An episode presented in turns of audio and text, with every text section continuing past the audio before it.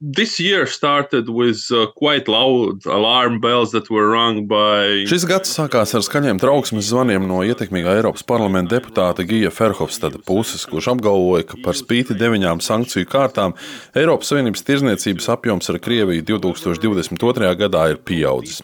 Taču, ja nedaudz dziļāk papēt šos datus, tad izrādās, ka realitāte ir pavisam cita. Kā jūs raksturot Eiropas Savienības un Krievijas attiecības, ņemot vērā visas līdz šim ieviestās sankcijas? First of all, my overall conclusions is that the sanctions are effective Mans kopējais secinājums ir, sankcijas ir efektīvas un tās ievērojami ierobežojušas tirzniecību starp Eiropas Savienību un Krieviju. Un es paskaidrošu, kāpēc. 2021. gadā, kad Eiropa un pasaules kāra pandēmija, naftas un energoresursu cenas nokritās līdz ļoti zemam līmenim. Tas nozīmē, ka arī Krievijas ienākumi, kas galvenokārt nāca no naftas, gāzes un arī ogļu tirzniecības, bija ļoti zemi. Pasaules ekonomikai atkopjoties, pieauga arī naftas un gāzes cenas, un līdz ar to arī Krievijas ienākumi. Šī tendence turpinājās līdz pat kara sākumam un pat vēl pērnā gada martā. Tas nozīmē, ka stabili un ļoti ievērojami pieauga arī Krievijas ieņēmumi no tirzniecības ar Eiropu. Taču kopš pagājušā gada marta šī tirzniecība ir ļoti nozīmīgi kritusies. Mēs redzam, ka Eiropas uzņēmumi ievērojami mazāk sadarbojas ar Krieviju. Paskatīsimies īpaši uz sankcijām pakļautajiem produktiem. Pirmās sankcijas tika ievestas pret ogļu eksportu, un kopš augusta iepirkto ogļu apjoms ir noslīdējis līdz nulē. 5. decembrī stājās spēkā aizliegums ievest Eiropas Savienībā pa jūru transportēto Krievijas naftu. Par šo sankciju efektivitāti mums vēl nav pieejami makroekonomiskie dati, taču ir metodes, kā uzraudzīt, cik tankuģu pamet Krievijas ostas. Un šeit mēs redzam dinamisku kritumu, kas atkal apliecina sankciju ievērošanu. Treškārt, Eiropas Savienības valstis kopā ar G7 valstīm noteica cenu griestus Krievijas naftai.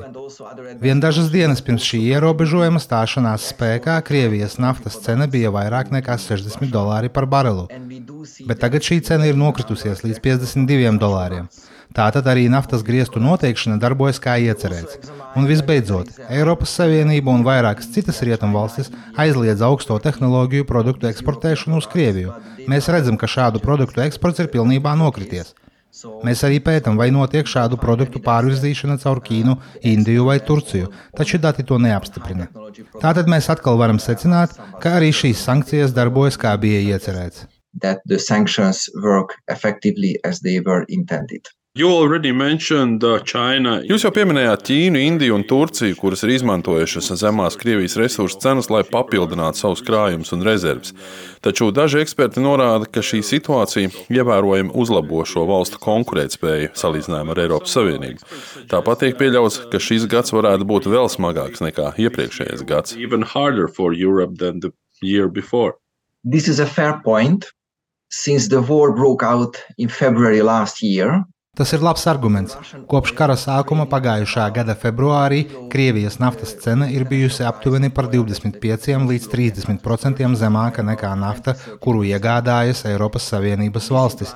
Tas nozīmē, ka jebkura valsts, kas iegādājas Krievijas naftu, maksā daudz mazāk nekā Eiropas uzņēmumi. Taču, diemžēl, tā strādā tirgus, un mēs tur neko nevaram darīt. Pieprasījums pēc Krievijas naftas Eiropā ir mazinājies, un no februāra spēkā būs aizliegums arī Krievijas naftas produktu importam. Un tas nozīmē, ka Krievijai šie produkti būs jātirgo kaut kur citur, bet Ķīna, Indija vai citas valstis tos varēs izdevīgi iegādāties. Taču es gribētu arī uzsvērt, ka Krievija diezin vai būs spējīga novirzīt pilnīgi visus iepriekš Eiropai tirgotos naftas apjomus uz minētajām valstīm, jo tam vienkārši nav kapacitātes. Sankciju mērķis ir vājināt Krievijas ekonomiku un samazināt pieejamos resursus kara turpināšanai. Apjomu un cenas samazināšanas palīdz šo mērķi sasniegt. Jā, diemžēl mums ir jāsamierinās, ka Eiropiešu uzņēmumi par naftu maksās vairāk nekā Indijas vai Ķīnas uzņēmumi.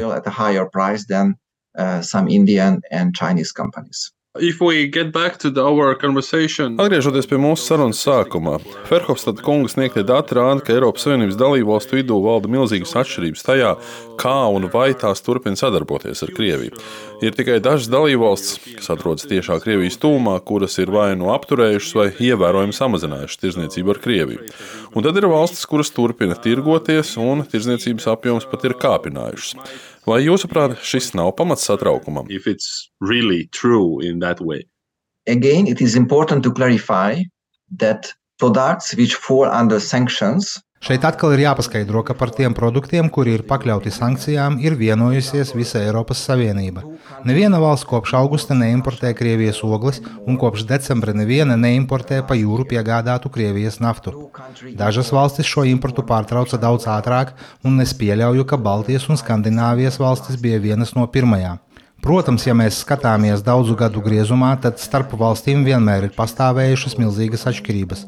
Tas pats attiecināms arī uz Eiropas Savienības preču eksportu uz Krieviju. Neviena no dalību valstīm neeksportē augsto tehnoloģiju produktus, un arī šajā jautājumā visā savienībā ir vienādi noteikumi. Par citiem produktiem, protams, ir redzamas atšķirības no vienas valsts uz otru.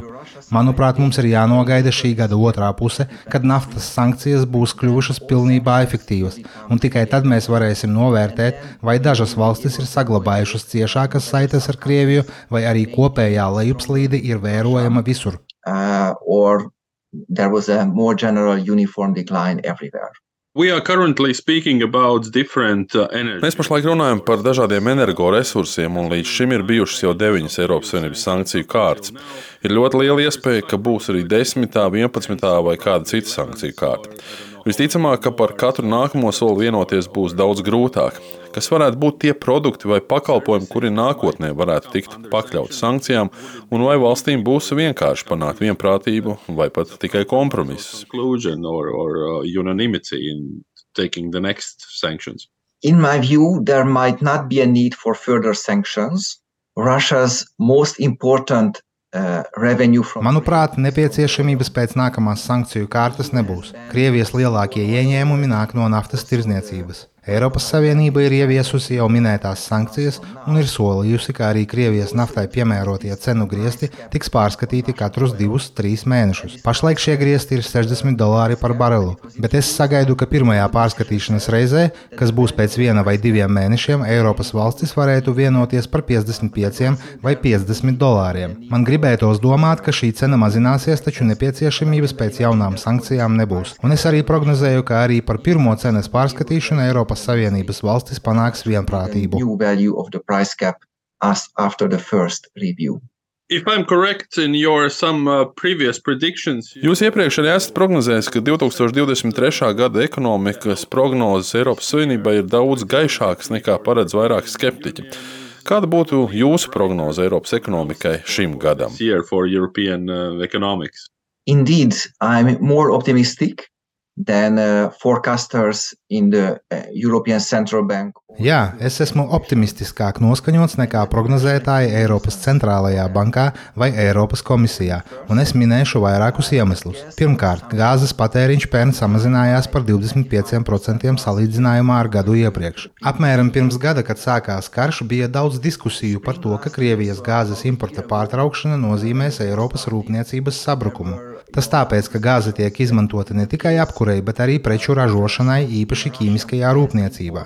Par spīti tam ražotāji bija spējīgi samazināt gāzes patēriņu par 25%. Tas notika jau vasarā, un nevis tikai tagad, kad mēs piedzīvojam diezgan siltu ziemu.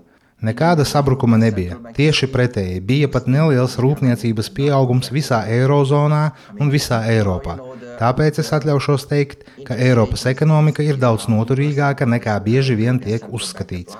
Vēl viens iemesls, kāpēc es uz šo gadu skatos ar optimismu, ir tas, ka, manuprāt, Eiropas centrālās bankas politika joprojām ir vērsta uz ekonomikas stimulēšanu, nevis ierobežošanu.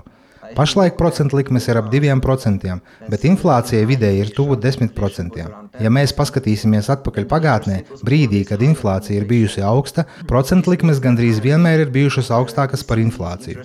Tāpēc Eiropas centrālās bankas procentu likmēm pašlaik būtu jābūt 12, 13 vai pat 14%, nevis 2%. Pašreizējā monetārā politika īpaši nesamazina pieprasījumu eirozonā. Tā drīzāk ir diezgan elastīga un rada apstākļus izaugsmē. Tāpēc es uzskatu, ka Eiropas centrālās bankas turpmākajām darbībām šajā gadā nebūs kaitīgas ietekmes uz ekonomisko attīstību.